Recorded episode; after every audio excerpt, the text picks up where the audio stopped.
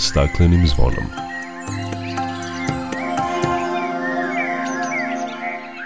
Dobar dan, srećna vam nova godina i dobrodošli na zeleni talas prvog programa radija Radio Televizija Vojvodine. Ja sam Dragana Ratković. U prvoj emisiji u novoj godini, kao što je to uobičajeno, osvrnućemo se na to šta je urađeno u prošloj godini u oblasti životne sredine i klimatskih promena, da li smo napredovali ili tapkamo u mestu i šta su prioriteti u 2023.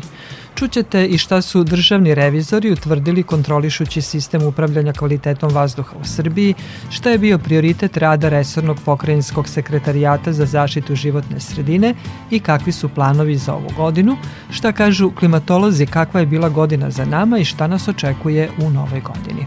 O svemu tome nakon pozdravne pesme. Dok plače Za vladarskim svojim tronom. Tužno vele narikače Pod staklenim smo zvonom. Znaj vazduha više nema Sve manje je i ozona. Protiv sebe ide čovek i to često bez pardona Uništenju živog sveta Kao da su ljudi skloni Čovek sam je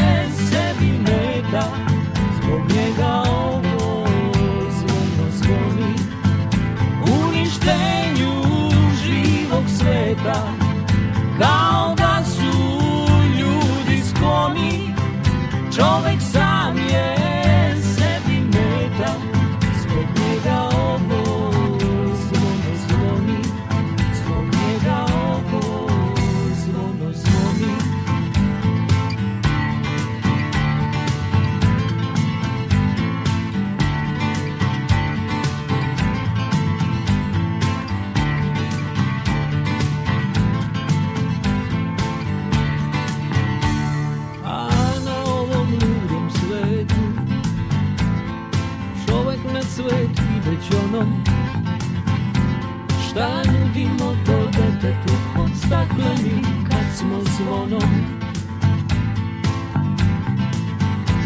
Uništenju živog sveta Kao da su ljudi skloni. Čovek sam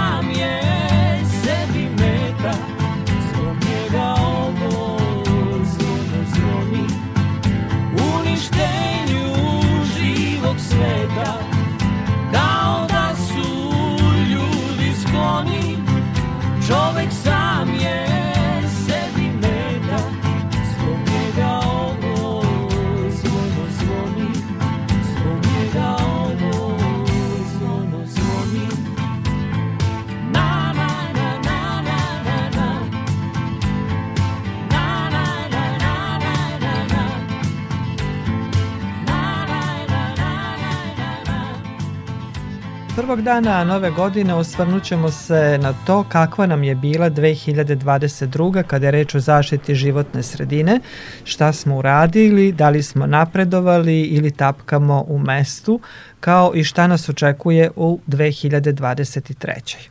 O tome razgovaram sa profesorom Aleksandrom Jovovićem, ekspertom za oblast ekologije i zaštite životne sredine.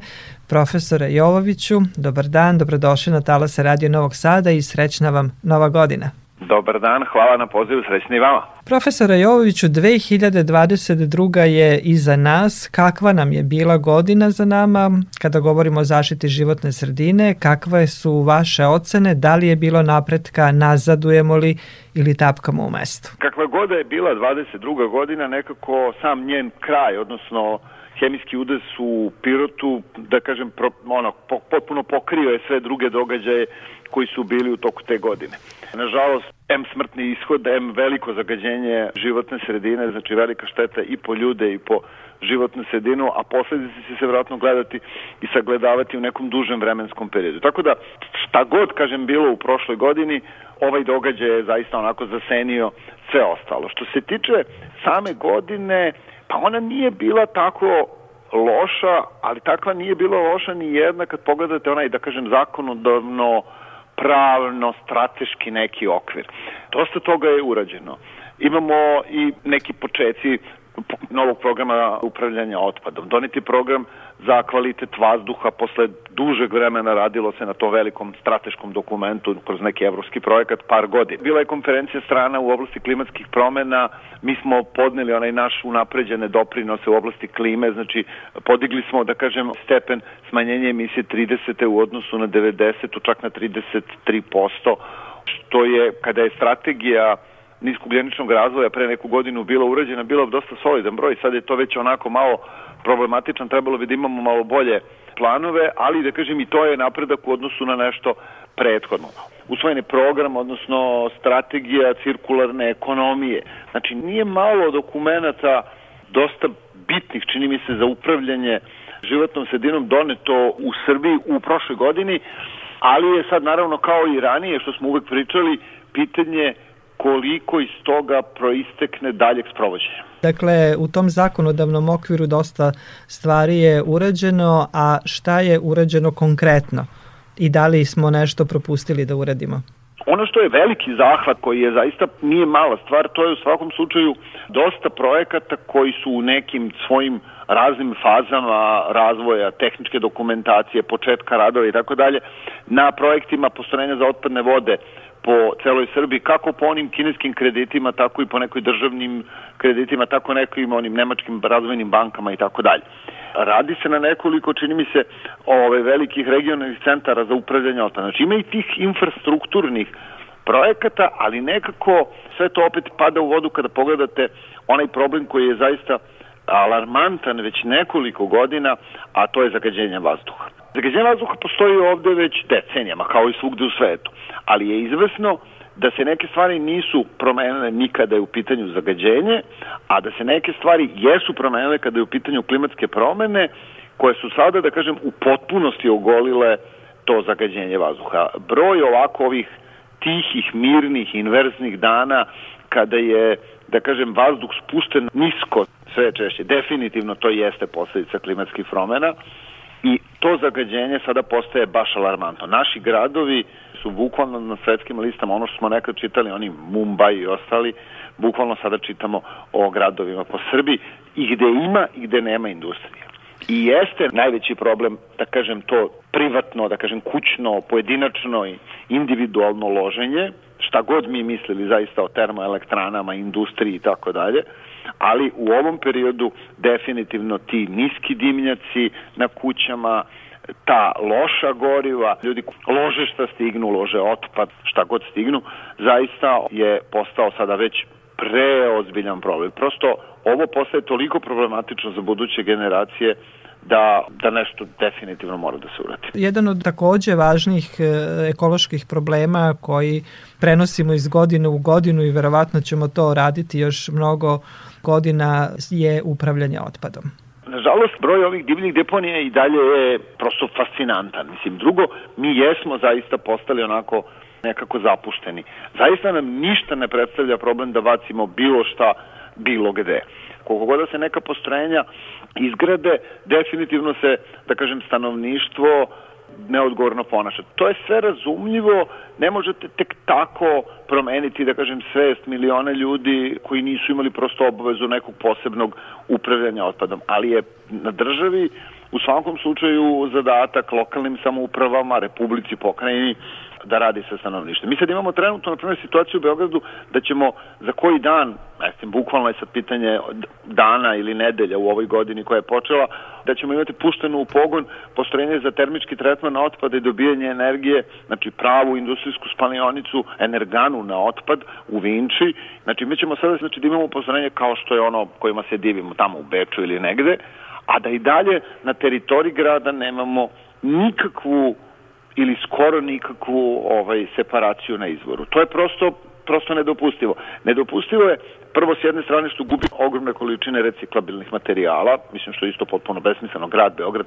generiše velike količine otpada da bi tek takao sahranio na stotine hiljada tona reciklabila, a s druge strane to postrojenje će biti opterećeno koje kakvim materijalima koji nema potrebe da idu na termički tretman. Znači, izgradili ste postrojenje s kojima možete stakničiti s bilo kojim normalnim gradom u Evropi, a ne možete da upravljate na nivou to stanovništva nekog osnovnog razdvajanja bar na dve komponente i da tako upravljate koliko toliko otpadom. Da ne kažem ono ponašanje o paljenju otpada na otvorenom paljenju kontejnera, potpaljivanju deponija, paljenju njiva, mislim što je zaista sada već onako alarmantno i prosto je neverovatno da ljudi sebi to rade. Sada smo na neki način napravili pregled e, šta se sve dešavalo u oblasti zaštite životne sredine u prošle godini. Da li smo dobili prelaznu ocenu profesora Jovoviću prema vašem mišljenju? Mislim da ta prelazna ocena neka jadna dvojka ili šestica ne znači puno. Nama treba puno dobrih ocena da bi mogli da se pomerimo ozbiljnije i primaknemo ne mislim naročito razvijenim, ali koliko toliko uređenim zemljama kada je životna sredina u pitanju. Ovde je zaista sad pitanje svakodnevnog funkcionisanja kada pogledate, evo, na šta liče reke, zatrpane bukvalno koje kakvim džubretom. S druge strane, vama industrija počinje da ima problem. Znači mi sada već, evo, uvođenjem karbonske takse na granicama Unije, koja se nešto sada malo pomera, što zbog ove cele situacije sa ratom u Ukrajini, što uopšte zbog raznih drugih političkih stvari, pa se nekako malo daju neke olakšice i pomera uvođenje njeno, ali vi vidite da one zemlje koje ne budu imale neki sistem upravljanja klimatskim promenama, znači kao što ima Unija, vi vidite da ti proizvodi će imati otežane uslove za trgovinu na najvećim tržištima koje nas interesuju, tržište Unije i tako dalje. Tako da svake godine ispričamo isto, moramo nešto da promenimo, nadamo se da sledeće godine u ovom trenutku ovako kad budemo razgovarali 1. januara 24. nećemo morati sve ovo da ponovimo i ništa se ne desi. Ja verujem da je jako teško donosiocu odluke na bilo koji način da reši da sprovodi sobstvene propise zato što je dosta tog sprovođenja kada je životna sredina u pitanju nepopularna. Mislim, opterećuje, da kažem, građane na različite načine. Tako da ja stalno živim u nekoj nadi da će se nešto promeniti, ako ne zato što se sami promenimo, što će nas neki drugi terati, ali dosta sporo ide. Tako da ta prelazna ocena i dalje mislim da nije, nije dovoljna. Mislim, kogod da dobijete dvojku, to vam je malo da bi sustigli neke normalne trendove u svetu. Šta nas čeka u ovoj 2023. Mnogo problema prenosimo iz 2022. U 2023. čini mi se da se nekako problemi e, gomilaju. Šta bi po vama možda trebalo prvo uraditi, odnosno šta ne bi trebalo da propustimo da uradimo ove godine kako bi uhvatili neki zamajac i rešili ove probleme koje imamo? Neki procesi su zaista dugotrajni. Ne mogu tako brzo završiti. Za mene je zaista zagađenje voda jedno od, mislim, ključnih problema koje postoji u Srbiji. Ali da kažem, ova postrojenja koje se sada počinju da se grade po lokalnim samoupravama, sve sa nekim biogasnim postrojenjima koje će ići iza toga, nadam se da će mnogo toga rešiti opet u nekom ne baš kratkom periodu. S druge strane, pojavit će se tu sada novi problem, pojavit će se ogromna količina mulja koja prema jednim ekspertima je dobra za zemljište Srbije, a po drugim ekspertima u šta uspada i Ministarstvo poljoprivrede nikako nije dobra za, za zemljište Srbije. Taj znači mulj mora da se iskoristi na drugi način, što znači da morate da gradite ili postrojenja za termički tretman ili da ih uvodite u cementne peći, termoelektrane i tako dalje. Znači imate, da kažem, jedno generiše drugo. S druge strane, upravljanje otpadom, izgradnja ovih regionalnih centara opet nije ograničena samo za ovu, ovu godinu, trajeće i to, ali je u tom sektoru, mislim sektoru upravljanja otpadom, uvođenje nekakve separacije, neke minimalne separacije, bar po ovim našim većim gradovima, prosto, prosto onako, imperativ koji mora da se desi. Ali iznad svega opet ostaje ovo zagađenje vazduha, svi dišemo taj vazduh, prosto ne možete da se sakrijete. Evo, videli ste i ovaj udes u Pirotu, prosto pokazuje da kada se neko zagađenje širi vazduhom, ovaj, ne možete da pobegnete od toga. Vode možete da prestanete da koristite taj vodotok neko vreme. Ekološka katastrofa bude velika, ali vremenom će se na ovaj ili onaj način sanirati. Ali kada ide nešto vazduhom, prosto ne možete, ne možete to da izbegnete. A zamislite sada na svo ovo zagađenje koje smo imali, da kažem, od loženja i slično, sve one još deponije koje gore i slično. Tako da mislim da taj, taj segment uređenja, kada su u pitanju ponuda raznih goriva na tržištu građanima, kontrola sagorevanja, naravno i kontrola opšte procesa u industriji, koja jeste sve bolje. I ove velike industrijska postrojenja za koje smo do skoro govorili da su veliki zagađivači, vidite da prestaju to da budu. Tamo su uložena ogromna sredstva, sve su to ozbiljne korporacije koje planiraju izvoze.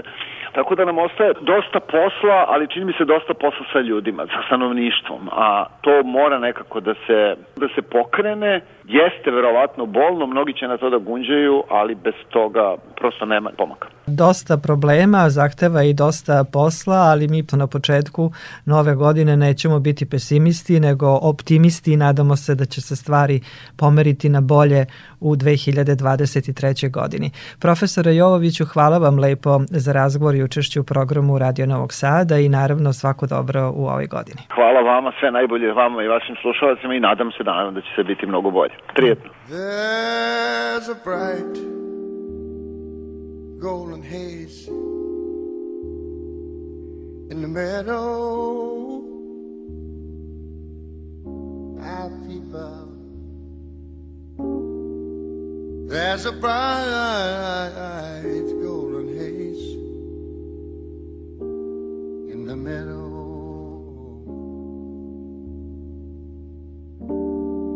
The cone is as high as an elephant's eye, and it looks like it's climbing clearer to the sky. Well, I say, oh, what a beautiful morning. Yeah. Yes, what a wonderful day. Y'all look out there. I've got a beautiful feeling. Everything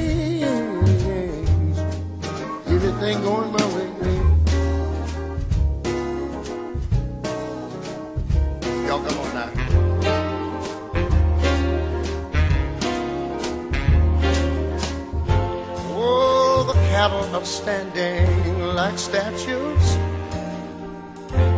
The cattle are standing like statues.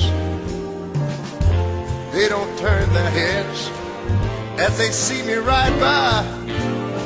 But a little brown maverick is winking her eyes. She said, Oh, what a beautiful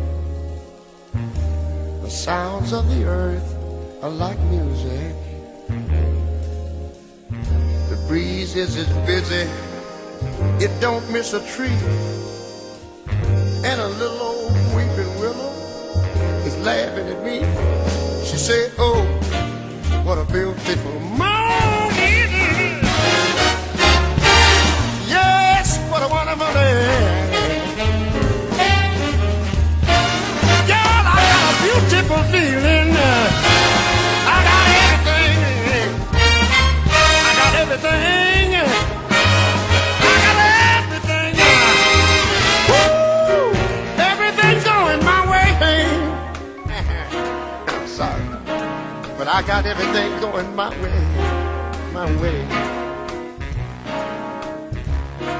Oh, baby. Oh, baby. I want to thank you, little girl, for such a wonderful day.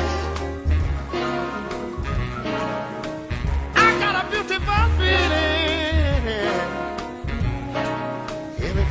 My way. Slušate emisiju pod staklenim zvonom. Upravljanje otpadom i otpadnim vodama je dugogodišnji problem koji prenosimo u novu godinu. Čuli ste, sve veći problem nam predstavlja i kvalitet vazduha, jer su naši gradovi prema pojedinim sajtovima na listi najzagađenijih u svetu. U Slovenačkoj agenciji za zaštitu životne sredine kažu da nisu zadovoljni kvalitetom vazduha u određenim periodima godine, iako koncentracija PM čestica, koja je indikator zagađenja vazduha, gotovo nikada ne prelazi zakonom dozvoljenu granicu. Nacionalna merna mreža za praćenje kvaliteta vazduha u Sloveniji uspostavljena je 2002. godine i ima 22 merne stanice. Poslednjih godina najveći problem sa zagađenjem vazduha u zimskim danima bio je zbog grejanja, odnosno malih potrošača. Najveće zagađenje je zimi kada je jak vetar, kada se kotline ne provetravaju i kada se vazduh zadržava u slojevima pri tlu. Najzagađenija područja u tom periodu su Ljubljana, Celje, Zagorje i Trbovlje. Kontrolišući sistem upravljanja kvalitetom vazduha u Srbiji, državni revizori su utvrdili da sistem upravljanja kvalitetom vazduha nije dovoljno efikasan, nije u potpunosti uspostavljen jedinstveni funkcionalni sistem praćenja i kontrole stepena zagađenja vazduha, postoje odstupanja od propisanih kriterijuma za određivanje mernih mesta i lokacija za uzimanje uzoraka zagađujućih materija u okviru lokalne i državne mreže. Neophodno je, kako je navedeno, uspostaviti jedinstven sistem monitoringa kvaliteta vazduha i načina izveštavanja o podacima kvaliteta vazduha za posebno osetljive grupe stanovništva i mogućim efektima po zdravlje. Državna revizorska institucija dala je preporuke Ministarstvu zaštite životne sredine da u okviru državne mreže mernih stanica i mernih mesta dokumentuje postupak izbora odabranih mernih mesta i lokacija za uzimanje uzoraka za merenje koncentracije zagađujućih materija.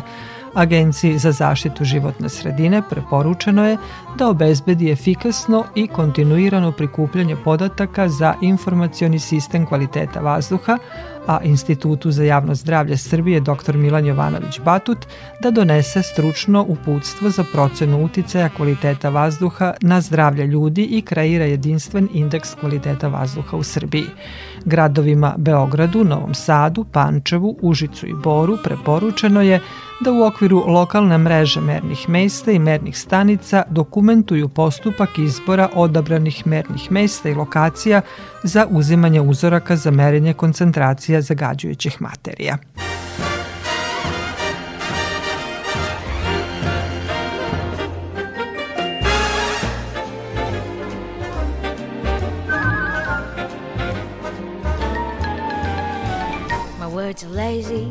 My thoughts are hazy. But this is one thing I'm sure of everybody needs a best friend. I'm happy I'm yours.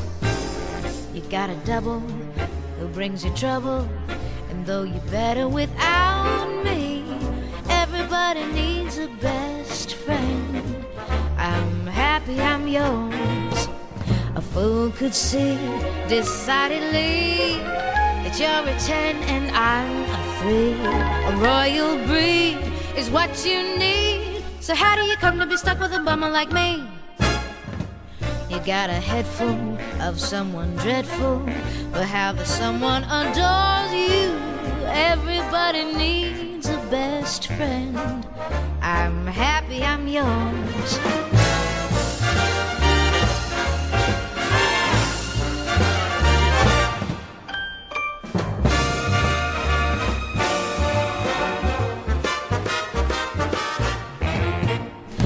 Fool could see decidedly that you're a 10 and I'm a 3. A royal breed is what you need. So, how do you come to be stuck with a bummer like me?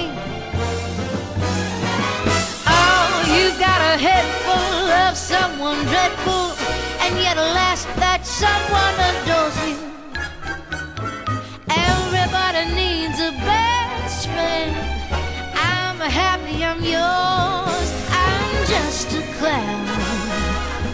and I'll bring you down. But you just don't care cause your best friend is me.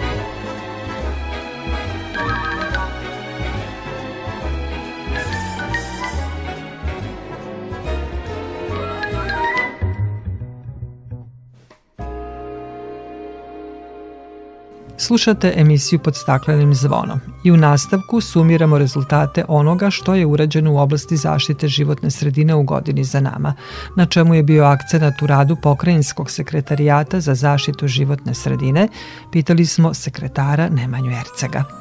Mi smo najveći akcenat bacili i to ćemo u narednom periodu raditi na komunalnom otpadu, kao jedan od e, definitivno najvećih problema na području ne samo Vojvodine, nego i cele Republike Srbije. Na teritoriji Vojvodine imamo prvi put uspostavljen regionalni sistem upravljanja otpadom za sedam lokalnih samuprava Severno-Banatskog i Severno-Bačkog regiona sa sedištem u Oromu. Mi smo dali integrisanu dozvolu za upravljanje otpadom. To je najviše i sve obuhvatnija dozvola koja upravo definiše sve određene procese prilikom sakupljanja do transfer stanica otpada, zatim od transfer stanica do sanitarne deponije, a na sanitarnoj deponiji dalja prerada otpada. Kad kažem prerada, prvenstveno mislim na onaj deo koji će se usmeriti ka vađenju određenih komponenti, koje će kasnije ili imati reciklabilnu upotrebu, znači kao određeni materijali u nekom proizvodu, ili ćemo iz tih određenih količina otpada dobiti neku energiju.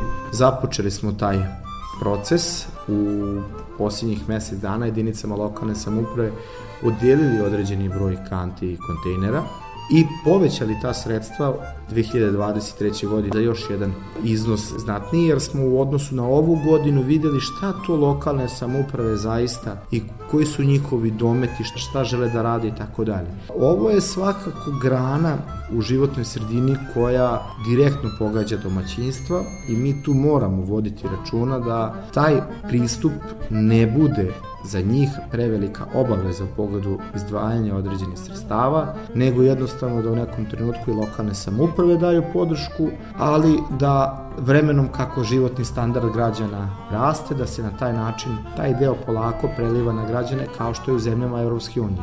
I aktivnost na uklanjanju divlji deponija isto prepoznata u budžetu za 2023. godinu. Koliko novca je izdvojeno u budžetu za 2023. Za 2023. godinu izdvojeno je 50 miliona za uklanjanje divljih deponija, 70 miliona je izdvojeno za kupovinu kanti i kontejnera, i izdvojeno negde otprilike oko 50 miliona dinara za izradu projektu tehničke dokumentacije za komunalne otpadne vode. Svedoci smo da i dalje, nažalost, veliki broj fekalnih voda završava u naše vodotoke. Godina je bila sušna, pokazuje da mi moramo ozbiljno se pozabaviti problemom vodotokova i zaštititi ono što imamo, a s druge strane određenu količinu vode koje preradimo usmjeriti u, u korisne svrhe, da li će to biti i zavodnjavanje ili na drugi način tehničke vode, kao što koriste mnoge zemlje sveta, pogotovo u sušnim područjima, jer su upućene da svaku litru vode iskoriste na najefektniji, najkorisniji način. Tako da je i to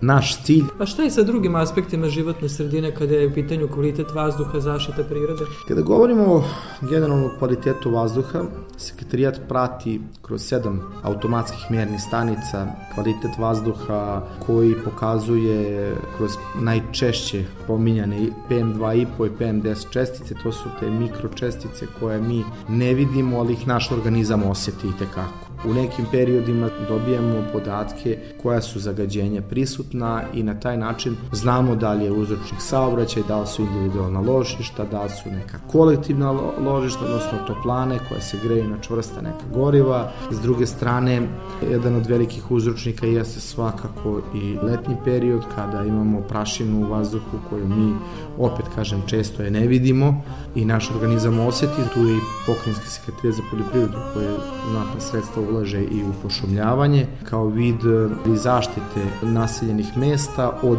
velikih površina koje su obradive i koje u tom nekom periodu kada su niske kulture, a nema padavina, stvara se ogromna količina tih čestica. Za narednu godinu planiramo razmeštanje dve automatske stanice.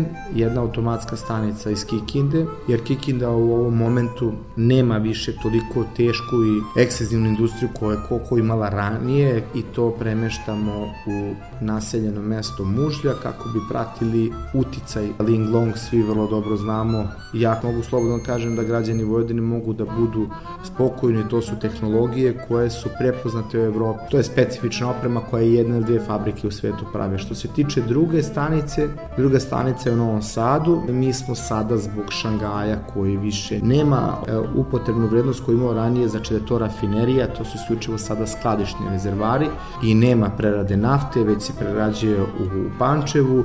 Mi smo rešili da tu stanicu odatle premestimo na novo naselje kako bi mogli da pratimo uticaj kvaliteta vazduha na stanovništvo. Svi smo svedoci da je taj deo i, i dosta izgrađen u poslednjih par godina. Što se tiče drugih stvari, mi smo za sledeću godinu predelili zanavljanje pet stanica za merenje polena. Ukupno u našoj mreži imamo sedam, što je sasvim dovoljno za teritoriju Vojvodine da dobijemo prave rezultate u realnom vremenu. Tako da su to neke stvari kada govorimo o zaštiti vazduha i naravno mi ćemo se malo više potruditi pozabaviti određenim možda čak i preporukama kad jedinice lokalne samuprave na koji način da redukuju to zagađenje vazduha. Smatram da mi kao centralni organ sprovodimo strategiju zaštite životne sredine u autonomnoj pokrajini Vojvodini. Svako imamo zadatak da taj deo malo više još ojačamo i da, da, da dobijemo tu neku jasniju i čistiju sliku. A kad je reč o zaštiti prirode? Kad je reč o zaštiti prirode, mi smo u poslednjih dva meseca imali dve odluke. Proglasili smo Jegričku, bedinili smo Vršačke planine i zaštićeno područje Vršački rit, tako da mi smo na taj način podigli nivo zaštite na teritoriji autonomne pokrajine Vojvodine i za ovu godinu smo namenili značajna sredstva ka zaštićenim područjima, tako da želimo da pravimo jedan kontinuitet, da jačamo te lokalitete, trudimo se da nađemo zajedno sa Pokrajinskim zavodom za zaštitu prirode jedan balans da jednostavno imamo i gde da radimo, a s druge strane da imamo gde da i uživamo u prirodi. Na osnovu svega ovoga što ste rekli, dakle akcenat sekretarijata u 2022. bio je na upravljanju otpadom, upravljanju otpadnim vodama, pomenuli ste i kvalitet vazduha i zaštitu prirode. Kako na kraju 2022. godine ocenjujete stanje životne sredine u Vojvodini? Ocenjujem kao napređeno stanje, za razliku od nekih prethodnih godina. Da li je to dovoljno? Pa nijedan sistem nije savršen, svaki sistem mora da se konstantno u njemu radi i nadograđuje, ali ono što mene zaista ohrabruje, što smo mi uspostavili ove godine i temelje za buduće razvojne projekte, zato sam i rekao stanje unapređeno. Dali smo saglasnost na studiju procene utice na životnu sredinu za deponiju za Južno-Bački region sa sedištem u Novom Sadu, tako da očekujemo da Novi Sad 2023. godine krene sa izgradnjom regionalnog sistema za upravljanje otpadom. S druge strane, podrška Ministarstva životne sredine je izuzetno značajna. Tu nam je prvenstveno Sombor kao transfer stanica i linija za separaciju koja će biti finansirana iz kredita, s druge strane razvijamo jedan projekat na području grada Zrenjina, kao što je Novi Sad dobio, znači dobit će Zrenjino kompostilište, gde ćemo rešiti jednu veliku količinu zelenog otpada, rešit ćemo jednu veliku količinu otpada kroz opremu za tretman građevinskog otpada i svakako stvoriti neke uslove da Zrenj u odnosu na ekonomske pokazatelje dobije svoj region ili ga priključimo nekom od već predviđenih regiona jer najbitnije ne samo s aspekta zaštite da mi uspostavimo sve te sisteme nego da vodimo i računa o obavezama koje će građani na kraju snositi. Tako da svakako stanje životne sredine na teritoriji Vojvodine se iz dana u dan unapređuje, postoje ciljevi i planovi za naredne godine u kom pravcu će se uspostaviti ne samo ovaj sistem, nego i svih ostali sistemi koji prate, znači od komunalnih otpadnih voda i naravno kao ključ svega toga zaštita vazduha koju udišemo. Hvala vam lepo za razgovor sa željom naravno da nastavite aktivnosti na unapređenju stanja životne sredine u Vojvodini i u narednim godinama. Hvala i vama.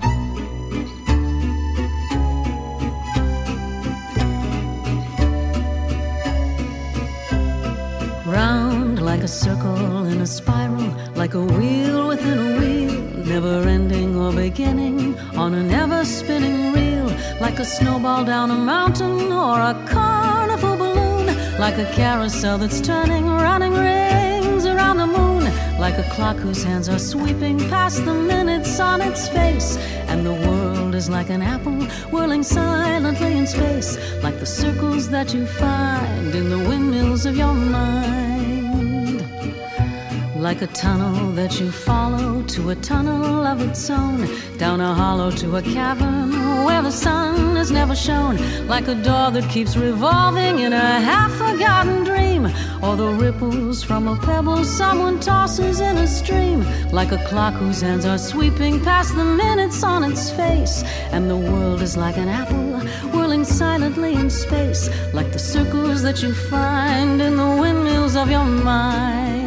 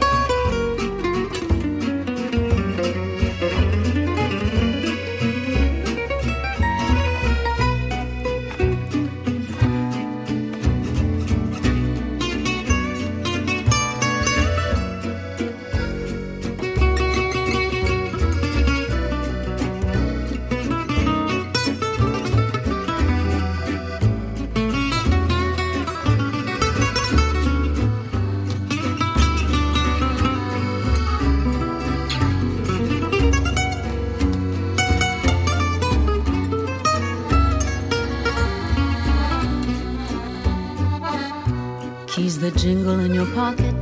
Words the jangle in your head? Why did summer go so quickly? Was it something that you said? Lovers walk along the shore and leave their footprints in the sand. Is the sound of distant drumming just the fingers of your hand? Pictures hanging in the hallway and a fragment of a song. Half remembered names and faces, but to whom do they belong? When you knew that it was over, you were suddenly the autumn leaves were turning to the color of her hair. Like a circle in a spiral, like a wheel within a wheel, never ending or beginning, on an ever spinning reel as the images unwind, like the circles that you find in the windmills of your mind.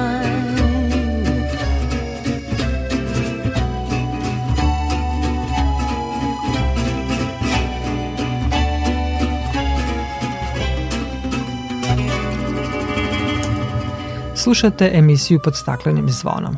Samo u glavnom gradu Nemačke, Berlinu, ove godine je podneto 2200 krivičnih prijava protiv klimatskih aktivista kojima je već izrečeno 600 novčanih kazni. Aktivisti su prošle godine 276 puta blokirali ulice u Berlinu i još organizovali 42 akcije od koje se neke smatraju krivičnim delima. Radikalna grupa aktivista koja je proširila delovanje po celoj Nemačkoj imala je akcije posipanja slika u muzejima sosom od paradajza ili su se lepili na ramove, na ulicama i aerodromima, pa su jednom na nekoliko sati zaustavili i berlinski aerodrom. Neki njihove akcije smatraju opravdanim, ali mnogi ih kritikuju, a neki zahtevaju i pooštravanje krivičnog zakona. Bilo je i drugih sličnih aktivnosti širom sveta što ukazuje na to da se moraju preduzeti konkretnije i odlučnije mere u borbi protiv klimatskih promena. O tome šta je urađeno u svetu i kod nas kada govorimo o borbi protiv klimatskih promena razgovaram sa klimatologom Vladimirom Đurđevićem. Profesore Đurđeviću, dobrodošli na Talas Radio Novog Sada i srećna vam nova godina. Dobar dan, hvala. Profesore Đurđeviću, iza nas je 2022. godina kada je reč o promeni klime. Šta kažu klimatolozi, kakva je bila 2022. godina u odnosu na one prethodne? Da li se trend povećanja temperature nastavlja. Što se tiče globalnih nekih trendova, trend temperature, porast temperature se nastavlja. Neke globalne analize pokazuju da će verovatno 2022. godina da bude u, u prvih pet najtoplijih godina na globalnom nivou. Znači da ponovo smo u tom vrhu što se tiče najtoplijih godina ikada i s druge strane opet znamo da poslednjih 10-15 godina u stvari da su to bile sve najtoplije godine ikad zabeležene na planeti. Jedina godina koja tu može da bude na neki način bliska anomalijama koje beležimo iz godina je 1998. godina koja je imala jak taj El Niño, pa je to bio razlog zašto je ta godina bila tako topla, tako da u principu taj globalni trend se nastavlja, trenutno je planeta toplija za otprilike 1,2 stepena i prema opet stereotim analizama vidimo da će granica od 1,5 stepen koja je ta oštrija granica Parijskog sporazuma verovatno da bude pređena negde između 2032. i 2035. godine. Tako da u principu nema nekih promena po tom pitanju analize emisija gasova sa efektom staklene bašte na prvom mestu ugljen dioksida opet pokazuju da smo ove godine emitovali malo više ugljen dioksida nego prošle, tako da smo se vratili na te staze. Do duše taj porast je nešto manji između prethodne dve godine iznosi oko 1%, dok je u prošli obično bio između između 2 i 3%, tako da u tom smislu dolazi do neke vrste usporavanja kada pričamo o emisijama, ali i dalje ne možemo da pričamo o tome da je globalno društvo počelo da smanjuje svoje emisije, što je uslov broj 1 da problem klimatskih promjena ostane u nekim prihvatljivim okvirima. Da iz godine u godinu sve je teže postići taj zajednički dogovor o globalnim korancima u borbi protiv klimatskih promjena, to smo videli i na poslednjoj konferenciji e, o klimatskim promenama u Egiptu. Pa upravo tako, znači što se tiče samog pregovaranja o klimi stvari su manje više slične, pregovori idu jako teško, vrlo je teško doći do konsenzusa, do nekih čvrstih i jasnih koraka o tome kako budućnost treba da izgleda. Vrhunac sastanka bio usvajanje e, tog e, dokumenta kojim se uspostavlja fond za nadoknadu štete i gubitaka usled klimatskih promena ovaj fond je prvenstveno, da kažem, bio iniciran i da kažem njegovo usvajanje je bilo podpomognuto radom i aktivnošću zemalja koje su, da kažem, nerazvijene ili su u nekoj fazi trenutno razvoja, s obzirom na posledice koje trenutno trpe i gubitke, sve to je na neki način nenadoknadivo, čak i u smislu prilagođavanja klimatske promjene, neke štete koje su već nastale ne mogu se jednostavno nadoknaditi ili ublažiti prilagođavanje klimatske promjene, tako da su ove zemlje zahtevale da se ovaj fond oformi upravo iz razloga da bi mogli na neki način da, da nadoknade štetu koja je nastala u proteklim decenijama, tako da je to bio vrhunac sastanka, ali s druge strane opet ako pričamo o korišćenju fosilnih goriva i dalje nema nekog jasnog konsensusa kada ćemo mi to zaista kao globalno društvo napustiti ugalj i da li smo spremni da usvojimo odluku koja je čvrsta po tom pitanju. I mi trpimo velike gubitke i štete kada je reč e, o klimatskim promenama, kada gledamo Srbiju, kakva je bila bila 2022. u odnosu na prethodne godine. Da li se trend temperature takođe povećava i kod nas? A i ova godina će kod nas isto biti jedna od, od najtoplijih godina. Imali smo opet neki način tu karakterističnu godinu za posljednje decenije. Imali smo izuzetno toplo leto sa puno toplih talasa. Ovog leta ih je ponovo bilo oko 4-5. Imali smo opet sušnu godinu koja se negativno odrazila na poljoprivredu i dalje nemamo e, neke čvrste podatke koliki su zaista gubici bili, ali smo sigurni da je na nacionalnom nivou proizvodnja recimo kukuruza bila ispod proseka u pojedinim delovima naše zemlje to je bilo mnogo više izraženo, posebno u Banatu je bio izuzetno pogođen sušom ove godine sa izuzetno niskim prinosima kukuruza i soje, verovatno, tako da vidjet ćemo sad u narednim mesecima kada budu izašle neke detaljnije analize o poljoprivrednoj proizvodnji, ali to je otprilike bilo to leto koje se sve češće kod nas pojavlja, to je, kažem, opet leto sa izuzetno visokim temperaturama, nedostatkom padavina, brzim uspostavljanjem tih sušnih uslova, prvenstveno jer povišene temperature ubrzavaju ispiravanje vode iz, iz podloge i tako dalje. Tako da u tom smislu je ovo bila jedna karakteristična prošle godine u Srbiji sa klimatskim promjenama i opet s druge strane vidimo da smo opet imali nekoliko epizoda bujičnih poplava, evo čak u decembru imali smo nezgodnu situaciju na nekim rekama da se opet reke izlile, tako da manje više i u, u slučaju Srbije priča je slična, to je da jednostavno danas živimo u promenjenim klimatskim uslovima i na neki način moramo polako da se prilagođavamo na to. Mi smo i povećali svoje klimatske ambicije tri puta u okviru nedavno usvojenog revidiranog e, nacionalnog određenog doprinosa. Planirano je da do 2030. smanjimo emisije gasova s efektom staklene bašte za 33,3% u odnosu na nivo iz 1990. godine, ali još uvek e, kaskamo, da tako kažemo, za onim ciljevima koji su postavljeni u Evropskoj uniji. Upravo tako, znači jeste usvojen taj naš novi, da kažem, dokument ili naša nova ambicija po pitanju manjenja gasova sa efektom staklene bašte i taj novi dokument je na neki način ambiciozniji od dokumenta koji smo imali prethodno, a koji je bio u stvari naš doprinos Parijskom sporazumu, tako da naše ambicije se povećavaju, ali upravo to što, što ste rekli, te ambicije dalje nisu u skladu sa ambicijama Evropske unije, pošto je Evropska unija verovatno na globalnom nivou neka vrsta predvodnika u dekarbonizaciji s obzirom da se taj proces u Evropskoj uniji izuzetno brzo dešava. Oni bukvalno maltene na godišnjem nivou donose odgovarajuće zakoni i uredbe koji im u stvari pomožu da možda čak budu i brži i u tom procesu transformacije od onoga što su bili neki inicijalni planovi kod nas i dalje to ne vidi u smislu te naše, da kažem, usaglašenosti sa planovima Europske unije, ali verovatno ćemo u narednim godinama morati i mi na neki način da ispratimo, da kažem, tu politiku što god je više moguće s obzirom da jednostavno ekonomije Europske unije i Srbije su izuzetno povezane, svaka vrsta razmene interakcije je tu uvek prisutna, tako da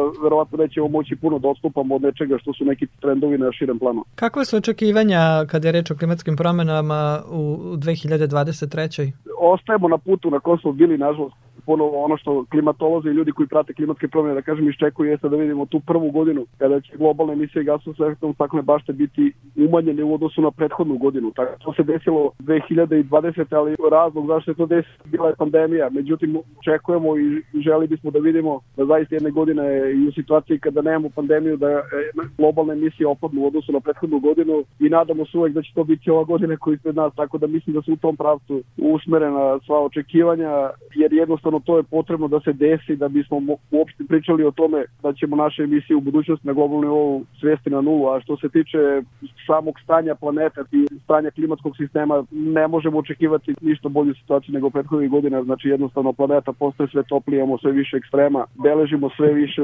materijalnih gubitaka, ali gubitaka ljudskih života, ljudi jednostavno počinju da migriraju zbog klime, imali smo evo već nekoliko godina situaciju da je u stvari veći broj ljudi tokom godine migrirao i selio se, da kažem, nekih oblasti gde su živeli zbog toga što su bili suočeni sa, sa ekstremnim vremenskim i klimatskim prilikama, a ne recimo zbog toga što, što je ekonomija bila uzroka njihovog iseljavanja ili sukobi. Tako da klima i klimatske promjene na neki način postaju zaista argument ili neka vrsta šina koja nas vode u nekom pravcu. Naravno, o svemu tome smo znali mnogo ranije nego što se desilo postojao niz upozorenja i analiza, ali ništa nije urađeno, tako da trenutno otprilike, da kažem, proživljavamo i živimo neku verifikaciju e, prognoza iz prošlosti. Da, morat ćemo se adaptirati na postojeće klimatske uslove i promenu klime.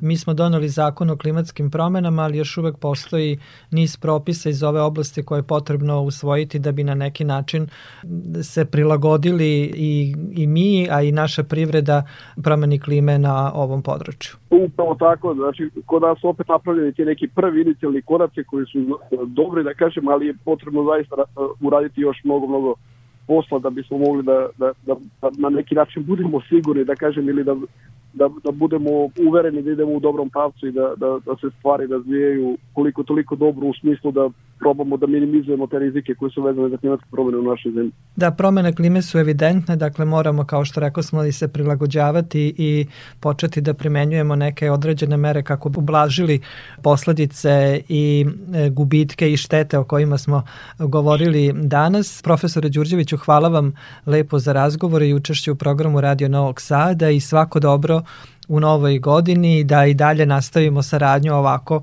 kao što smo imali do sada, da čujemo uvek neke važne informacije e, za nas, da nam objasnite neke stvari šta se sve dešava kako na globalnom, tako na ovom našem području kada je reč o promeni klime. Hvala vama, takođe sve najbolje u novoj godini, bit će prilike sigurno da još sarađujemo.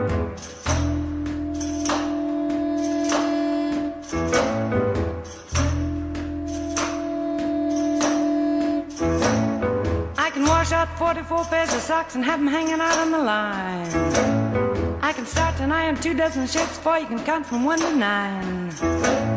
I can scoop up a great big dipper full of lard from the drippings can. Throw up the skillet, go out and do my shopping. Be back before it melts in the pan. Cause I'm a woman.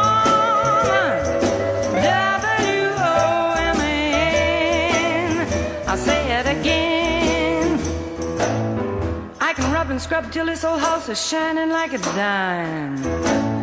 Feed the baby, grease the car, and powder my face at the same time. Get all dressed up, go out and swing till 4 a.m. and then lay down at five, jump up at six, and start all over again.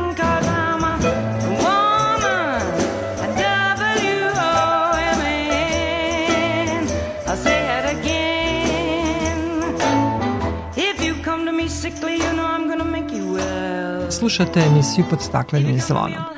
Promena klime ima veliki uticaj na očuvanje biodiverziteta i na različite načine utiče i na ptice. Tako preko zime, koje su sve toplije, možemo videti neke vrste koje nisu odletele u toplije krajeve, jer zbog toplog vremena ostaju da prezime jer mogu da pronađu hranu. Ali bez obzira na to što nije hladno, zimsko hranjenje ptica je dobra ideja i pticama će i u ovako toplim uslovima dobro doći dodatno hranjenje i budite sigurni, obradovaće se.